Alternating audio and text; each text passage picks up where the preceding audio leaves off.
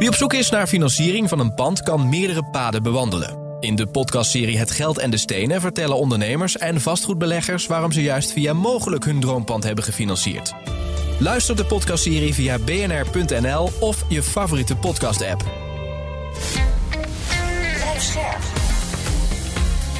BNR Nieuwsradio. Vastgoed gezocht. Maarten Bouwhuis en Maarten de Gruiter. BIPV-panelen. Dat zijn zonnepanelen die nauwelijks opvallen omdat ze als dakpannen of gevelpanelen zijn vormgegeven. Fraai en duurzaam, maar nog wel een beetje duur in de bouwfase. De vraag van deze week: krijgen alle gebouwen in de toekomst zo'n onzichtbare schil van zonnepanelen? Dit is vastgoed gezocht, jouw wekelijkse update over de wereld van de stenen. Fijn dat je luistert. Je hoort ons natuurlijk eh, elke maandagmiddag en maandagavond op BNR en altijd eh, online via de app en bnr.nl. Nou, Maarten de Gruiter die zit in het buitenland, maar ik heb hem voor de uitzending natuurlijk wel eventjes gebeld. eh, op zoek naar het belangrijkste vastgoednieuws. Dag Maarten. Ja, goedemiddag. Goedemiddag. Ja, goed om even met jou te bespreken. Canadian Apartment Property Right keert Nederland de rug toe. Canadese partij die 7000 huurwoningen in Nederland hebben. Eh, waarom gaan ze weg? Nou, er zijn een aantal redenen. Een van de redenen is dat ze hun geld willen gebruiken om te investeren in Canada zelf. Maar de, eh, de belangrijke duw is wel geweest natuurlijk toch de, de, de nieuwe reguleringen in, eh, in Nederland. Ja, eh, want dan denken ze dat ze hun business case met die woningen minder moeilijk rond kunnen krijgen. En dat zijn niet per se woningen die 2000 euro per maand kosten, geloof ik, hè? Nee, het is, het is echt een middenhuurwoningen. en eh, ja, kijk, dat, die, die rendementen, we hebben het hier natuurlijk al vaak over gehad, die zijn eigenlijk al natuurlijk al heel laag. Hè. Je kunt je eigenlijk afvragen of dat eigenlijk al normaal is. Maar ja, met die verdere regulering gaat het natuurlijk zo weinig worden dat natuurlijk gewoon er geen geld meer overblijft. Ja. Krijgen ze die woningen dan makkelijk verkocht? Want ja, je kunt zeggen ik ga weg, maar dan moet je ze ook kunnen verkopen. Nou, dat is ook nog maar de vraag. Want eh, uiteindelijk is het zo'n grote hoeveelheid. En dan zal het toch uh, verkocht moeten gaan worden aan andere beleggers. Ja, het ligt een beetje aan uh, of ze verlies willen nemen. Want ze hebben het allemaal redelijk in de hoogtijdagen gekocht. Dus ja, als ze een verlies willen nemen, dan zal het altijd wel lukken. maar anders wordt het nog best wel een lastige. En hoe gaan dit soort dingen eigenlijk? Gaan ze dan op zoek naar één partij die dat in één keer wil kopen? En bestaat zo'n partij in de Nederlandse markt? Of gaan ze het opknippen en plukjes verkopen? Nou, die bestaan er wel. Die zijn er natuurlijk niet zoveel. Hè, die dit soort uh, enorme uh, aantallen aankunnen. Het is een van de grootste portefeuilles. Uh, maar daar zullen ze zeker wel eerst naar gaan kijken. Um, maar ja, dit aantal kopers zijn natuurlijk zijn met een, met vergrootglas te zoeken natuurlijk. Hè. Ook in, vanuit het buitenland zijn er weinig partijen te, te popelen om nu in Nederland in te stappen dankzij onze minister. Ja, en toch is het een gek principe, want er is dus een groot tekort aan huurwoningen, zeker aan middenhuurwoningen. We horen de verhalen over het onder druk zetten van huurmakelaars, mensen van Versteda, die bijna bedreigd worden omdat mensen een woning van hun willen hebben. Dat zegt alles over hoe krap die markt is. Dus je zou het, als je het omdraait, zou je zeggen, ja, eigenlijk zou een huurwoning heel gewild moeten zijn, want er is dus een structureel tekort. Ja, dat klopt natuurlijk helemaal. Maar op het moment dat die regulering natuurlijk een goede exploitatie onmogelijk maakt, ja, dan heeft het weinig zin. Dan kan er nog wel zoveel vraag naar zijn. Maar dan heeft het weinig zin. Kijk, op de lange termijn denk ik dat de, de, de waarde van, van, van woningen door het dak zal gaan. Omdat er gewoon niets bij gaat komen. En uh, de vraag alleen maar groter wordt.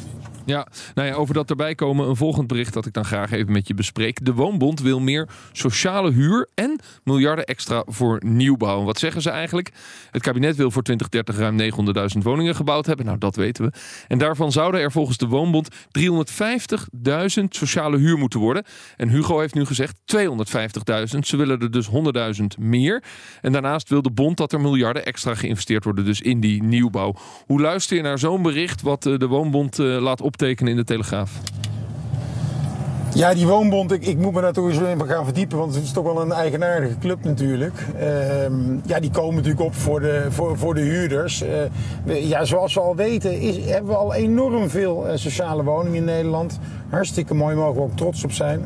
Uh, maar er is, er, zijn, er is geen enkele onderbouwing waarom we nog meer sociale woningen nodig zouden hebben dan die 250.000. Um, ja, en als je naar de plannen gaat kijken die zij, die zij voorstaan, ja, ik, ik ben dan benieuwd wel waar het geld vandaan gaat komen. Ja, want de vraag is dus of het überhaupt haalbaar is, los van de principiële discussie, of je het zou moeten willen. Jij zegt, we hebben er al heel veel. Nou, daar, daar kun je, laten we zeggen, politiek over debatteren. Maar, maar is het haalbaar om zoveel woningen uh, in het lage segment te bouwen? En dat, dat is eigenlijk de, de eerste financiële vraag.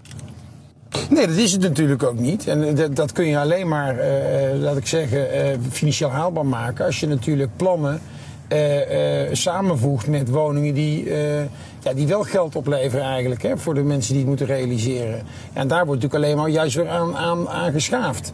Dus het, het wordt alleen maar moeilijker gemaakt. Hè. We maken het niet makkelijker, maar we maken het alleen maar moeilijker. Ja, en eigenlijk het, het, alle plannen ja. Hij zegt er wel bij, er moeten miljarden extra worden in geïnvesteerd. Dus blijkbaar wil hij dat bonnetje bij de overheid leggen. Dus dat de belastingbetaler dat gemiddeld gaat betalen. Om die onrendabele top dus te, te betalen. Ja, maar dus de, alleen al die, die, sociale woningen, daar heb je het natuurlijk over, uh, laat ik zeggen, 150 eh, miljard plus. He, de de, de, de 900.000 woningen die erbij moeten komen, hebben we het over 350 miljard. Ja, daar, kan een paar miljard van de overheid, gaat daar helemaal geen zoden aan de dijk zetten. Dat is natuurlijk ook eigenlijk het, uh, de 250 miljoen die ehm, Hugo de Jonge nu extra investeert. Ja, dat is natuurlijk eigenlijk, is dat, dat is peanuts, allemaal heel veel geld. Maar dat is voor het grote die 300.000 of die 900.000 woningen ja. peanuts. Goed zo.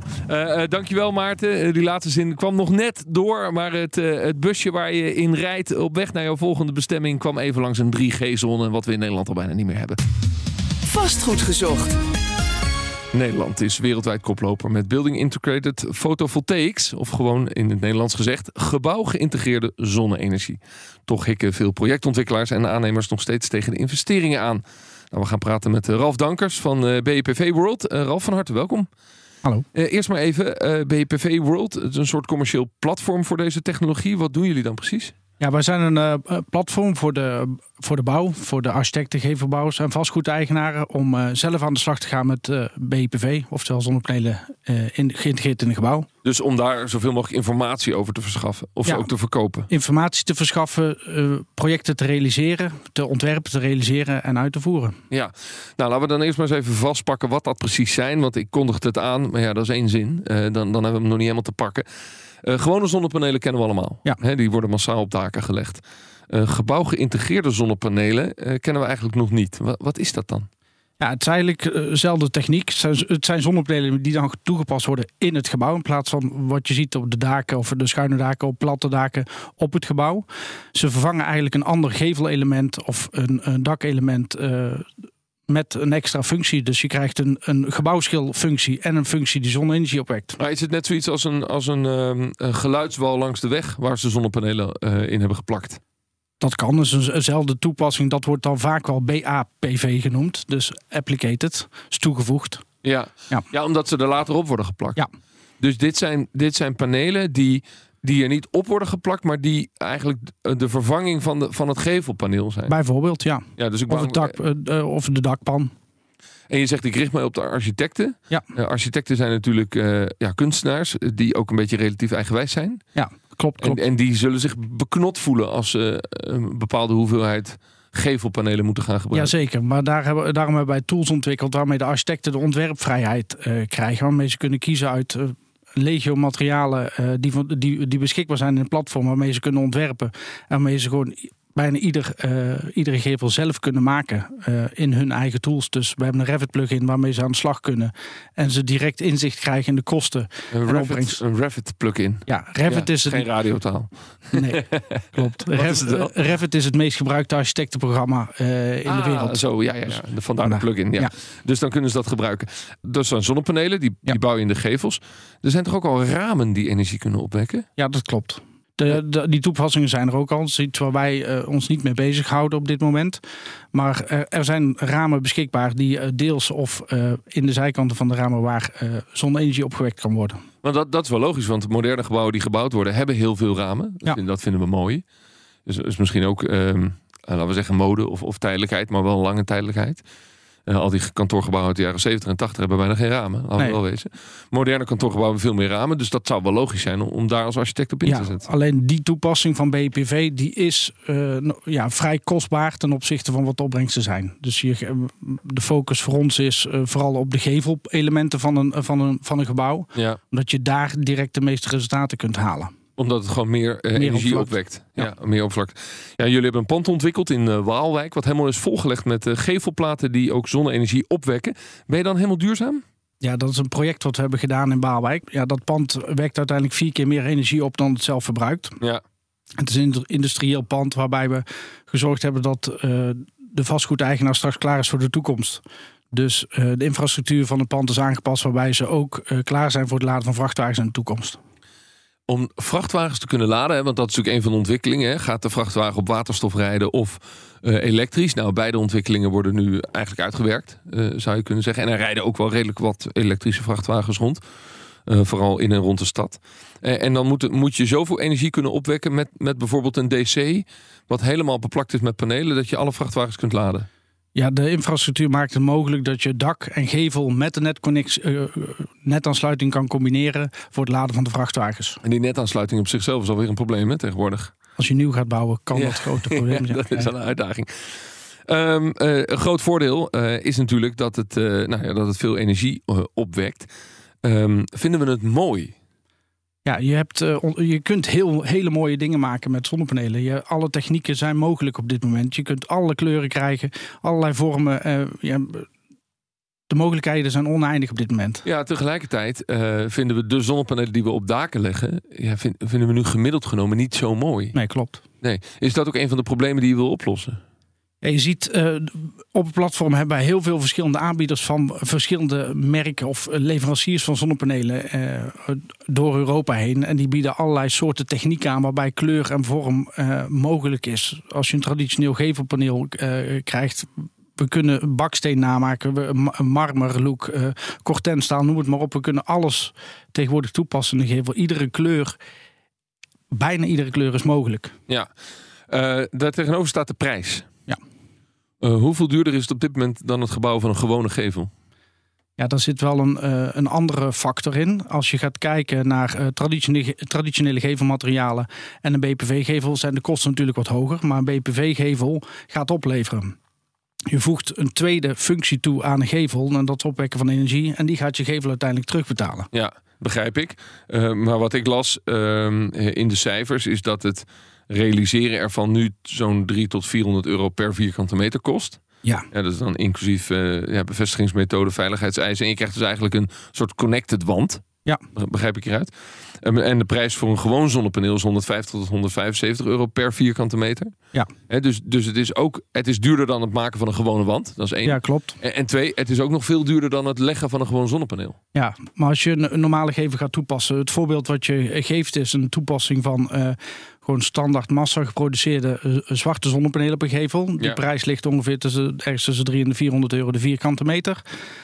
Nou, ga je dat ehm, eh, terugrekenen als je een normale gevel toch al een gevel moest gaan plaatsen. Het verschil daarin heb je hele snel een business case gegenereerd. Ja, als je het vergelijkt met een, bijvoorbeeld een marmeren gevel, als je dat gaat toepassen, dan spreek je over enorm hoge kosten en dan een zonnepaneel zelfs nog goedkoper. Ja, ja, het is goedkoper dan een marmeren gevel. Ja. nee, laat dat gezegd zijn. Het is ook ingewikkelder. Want, want ook een marmeren gevel, ook al is die duur. Ja, als je helemaal hebt uitgerekend welke maat marmerplaten je wil gaan bevestigen, ja, dan is het een kwestie van, eh, dat doen we al 100 jaar zo. Ja. Misschien nog wel langer.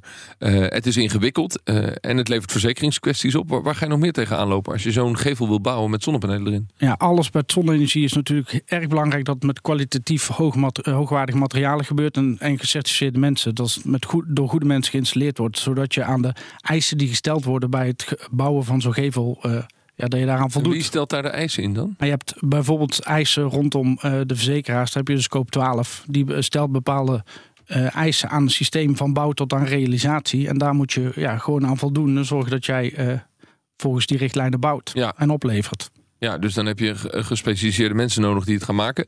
Ja. En eh, daar wordt het vast niet goedkoper van. Nou, doordat je het ontwerp- en designproces volledig digitaal probeert te doen. Dus heel veel vragen die je toch gesteld worden, gaat automatiseren, digitaliseren via het platform van BPV World, kunnen we daar enorm op de kosten uh, besparen. Ik, ik snap het, maar uh, projectontwikkelaars, aannemers uh, hebben op dit moment al heel veel moeite met het doorrekenen van nieuwe projecten. Ja. In woningbouw, maar ook in commercieel vastgoed, waarvan wij elke week ook het nieuws brengen ja, dat de prijzen op dit moment hard naar beneden gaan. de hoge rente heeft enorme invloed op de ontwikkelingen. Um, als ze een gewoon project dan niet rondgerekend krijgen, hoe krijgen we dan voet aan de grond? Hoe krijg jij voet tussen de deur om deze techniek erin te stoppen? Nou, uh, door, gedreven door wet en regelgeving, uh, bij hoogbouw bijvoorbeeld, moet je aan een bepaalde norm voldoen aan energieopwekking. Dan kun je niet meer om BPV heen.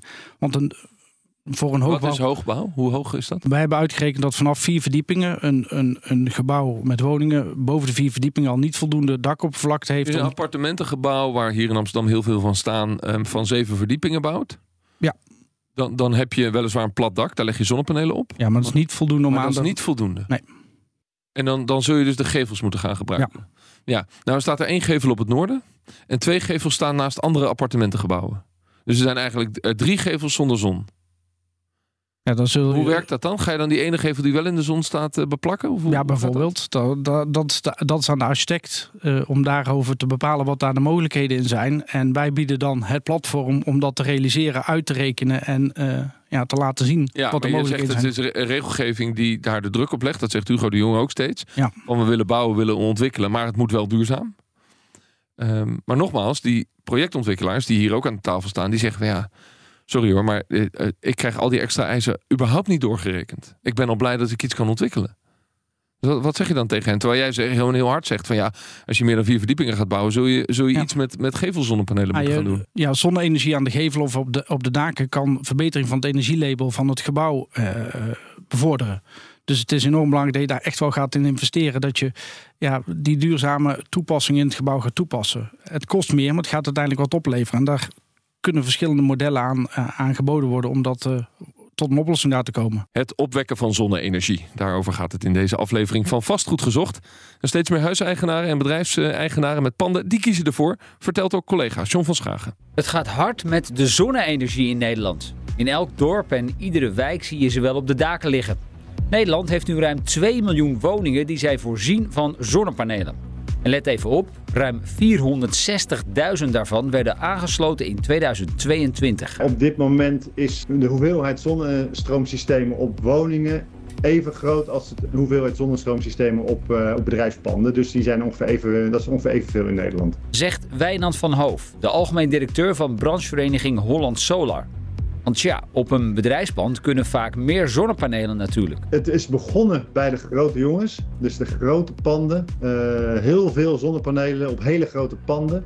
En je ziet het pas, eigenlijk pas langzaam doordruppelen naar de wat kleinere panden en de, meer de MKB-bedrijven. Uh, dat begint eigenlijk nu pas op te komen. In verreweg de meeste gevallen gaat het om gewone zonnepanelen die op een bestaand dak worden gemonteerd. PIPV komt nog niet heel vaak voor, ziet ook Van Hoof. Maar misschien ook wel omdat je niet weet dat het er is. Een mooie anekdote. Ik kan me herinneren dat er op een gegeven moment uh, kwam een installateur. Die kwam de, de gebouw geïntegreerde zonnepanelen aansluiten. Dus was de aannemer had ze, had ze neergelegd en de installateur moest ze aansluiten. En die kwam bij de bouwplaats aanrijden en die zei van ja maar wacht even, er liggen nog helemaal geen zonnepanelen op. Dus ik ga weer naar huis. En toen zei de aannemer van ja maar dat zijn de zonnepanelen. Tot slot dan nog, hoe kijkt hij eigenlijk naar de prijs? Want toegegeven, PIPV valt qua investering nog wel een stuk hoger uit dan een gewoon zonnepaneel. Als je me dan vraagt van uh, verwacht je dat dat groot wordt? Ja, dat wordt wel heel groot. Uh, omdat de meeste mensen toch zeggen van ja, ik vind, ik vind hem zeg maar een blauwe plaat en een, uh, een zilverkleurige rand eromheen. Vind ik niet zo mooi.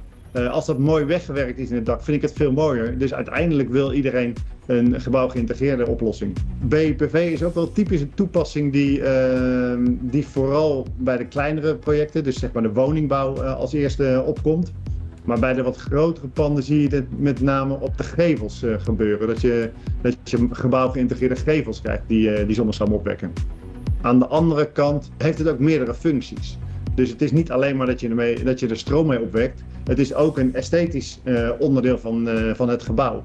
Bij deze vraag denk ik altijd van, er, zijn, er worden gewoon kantoorpanden met marmeren gevels gebouwd. Die zijn vele malen duurder dan een BPV-gevel, dus een gebouw geïntegreerd zonnestroomsysteemgevel. Dus kosten is altijd relatief. Ja, dat zei Wijnand van Hoofd van Holland Solar in een bijdrage van John van Schagen. En ik praat verder met uh, Ralf Dankers van uh, BPV World. Die dat ook al zei, dat het marmer duurder is uh, dan de zonnepanelen aan de zijkant. Um, ja, dan nog even naar het aanbod toe. Zijn er al Nederlandse bedrijven die dit op de markt brengen met nou, misschien zelfs Nederlandse grondstoffen? Of is dit made in China voorop? Nee, wat je ziet is dat er in Europa, vooral in Europa, erg gefocust wordt op zonne-energie in de gevel en toepassingen daarvan. We hebben in Nederland gewoon echt een aantal bedrijven die echt actief zijn op deze markt. Um, ik noem Chameleon Solar als, als voorbeeld, die PV-panelen maakt met alle kleuren, zigzag solar. Maar maken ze ze ook in Europa? ze worden geassembleerd in Nederland zelfs. Ja, uh, ja. Maar het wil niet zeggen dat allemaal alle componenten uit, uit nee. Europa komen. Maar dus zijn we hier alsnog ook afhankelijk van componenten die uit China komen? Um, ik ken niet de, de specifieke eigenschappen van hun producten, maar ja, ik verwacht wel dat dat zo is. Nee, maar dit is ook wel een domein uh, wat belangrijk is in dit debat. Uh, want we gaan super hard met zon, dat is geweldig. Ja. Uh, alleen grondstoffen die we daarvoor nodig hebben, ja, die komen uit landen waar we geopolitiek soms moeite mee hebben. En er komt heel veel uit China. Dus dat, dat blijft de vraag van, van gaan we nou als Europa die energietransitie ook ja, op ons continent kunnen organiseren? En ja, als dit groot wordt en we gaan ook de zonnepanelen groot in panelen zetten, ja, wordt, dat vraagstuk wordt steeds groter. Ja, klopt. Europa is echt wel op het focus om heel veel uh, elementen van een zonnepaneel naar Europa te krijgen. In, in, Nederland zijn een aantal fabrikanten die ook voor, voor zon op dak uh, panelen aan het ontwikkelen zijn. Ja, er komt steeds meer naar Europa toe. Er wordt ook steeds belangrijker om iets te zeggen over eh, de elementen die in een gebouw op zitten. Ja. Zie je dat over de ontwikkeling? Bij mij in het dorp staat een jaren 30 huis waarbij ze de uh, pannen hebben vervangen met zonnepanelenpannen. En dat is gewoon veel mooier dan die, die, die zonnepanelen die ook op die jaren 30 woningen worden gelegd. Of welke woningen dan ook, dan ook in Nederland. Dat zou ik iedereen wel gunnen. Dat je man, van die mooie geïntegreerde dakpannen hebt. Maar dat is nog wel een dure grap, geloof ik. Hè? Ja, ik durf niet te zeggen wat die kosten zijn. Maar als je een dak gaat vervangen, eh, weer hetzelfde als je naar een gevel gaat kijken. Als je dan nog toch nieuwe dakpannen moet, ja, kan dat tegen relatief uh, ja, iets meer, iets meer kosten uh, ook gerealiseerd worden. Zou dat een beetje kunnen helpen. Ja. Um, we moeten het ook nog even over brandveiligheid hebben. Want de aanleiding van de grote woningbrand in Arnhem een paar weken geleden... Ja, zegt de brandweer eigenlijk, de hele gevel vol met zonnepanelen... dat moeten we misschien helemaal niet meer willen. In dit geval lagen de panelen op het dak ja. en waren uh, aan elkaar verbonden, zou je kunnen zeggen. Waardoor, ze de, waardoor het vuur er, eronder bleef zitten. Nou, die analyse wordt natuurlijk nog gemaakt, hè, uh, gelukkig maar. Maar, maar hoe zit dat met zonnepanelen aan de gevel? Uh, wat doet dat voor de brandveiligheid? Ja, kijk, een zonnepaneel zelf, uh, er zit eigenlijk heel weinig brandweer, brand, brandende materialen aan de zonnepaneel. Zeker als de toepassing naar de gevel gaat, wordt vaak gebruik gemaakt van glas-glas zonnepanelen. Die je kunt vergelijken met, de, met een raam waar een, zonnecel tussen zit. Ja, er zitten relatief weinig brandbare materialen tussen. Als je een gevel gaat maken, moet je altijd aan bepaalde eisen voldoen. Daar laat je iemand aan rekenen. En als daar brandwerende lagen tussen moet komen, ja, wordt dat zo gerealiseerd. Dus een installatie moet altijd uh, gemaakt worden door gekwalificeerde mensen die. Ja, dat snap ik. Maar gaat het nou in de kern brandonveiliger worden of niet dan een gewone, gewone gevel? Nee, dat, dat zou niet hoeven. Nee. Een brand, eh, een brand met zonne, waar zonnepanelen betrokken zijn, komt altijd in het nieuws. Terwijl de oorzaak eigenlijk nooit het zonnepaneel is. Ja, oké. maar goed, als de brandweer zegt dat we moeite met blussen door de zonnepanelen, dan is er toch een discussie. Er zijn richtlijnen voor. De brandweer heeft richtlijnen hoe dat ze daarmee om moeten gaan. Uh, de mogelijkheid tot slot in de toekomst. Je zei al woningen. Eigenlijk vanaf vier hoog zullen we ermee aan moeten beginnen. Een nieuwe kantoorontwikkeling. Uh, is dat een droomscenario of zie je het nu in de praktijk echt groeien? Ja, wij zien echt de aanvragen groeien op dit moment. Gedreven door wet en regelgeving, zoals ik dat straks aangaf. Je ziet aanvragen vanuit verschillende hoeken komen. Waar voor corona onze focus was op hoogbouwgevels, zie je nu ook vanuit de industrie uh, de energiebehoefte komen. Daken die niet uh, geschikt zijn of onvoldoende oppervlakte hebben om energie op te wekken, daar wordt na nagekeken om toepassing op de gevel te doen. Zeker bij bedrijven waar hoog energieverbruik is, ja, gedreven door energieprijzen. Juist, uh, energie uh, uit de gevel. Uh, een mooi toekomstbeeld van Ralf Dankers van BPV World. dankjewel voor dit gesprek. Dit was vast goed gezocht. in je podcastplayer kun je natuurlijk abonneren op dit programma. Dan krijg je van ons een melding en mis je nooit een aflevering. Voor nu bedankt voor het luisteren. Tot volgende week. Dag. Vastgoed gezocht wordt gesponsord door Mogelijk. Mogelijk. Vastgoedfinanciering voor ondernemend Nederland.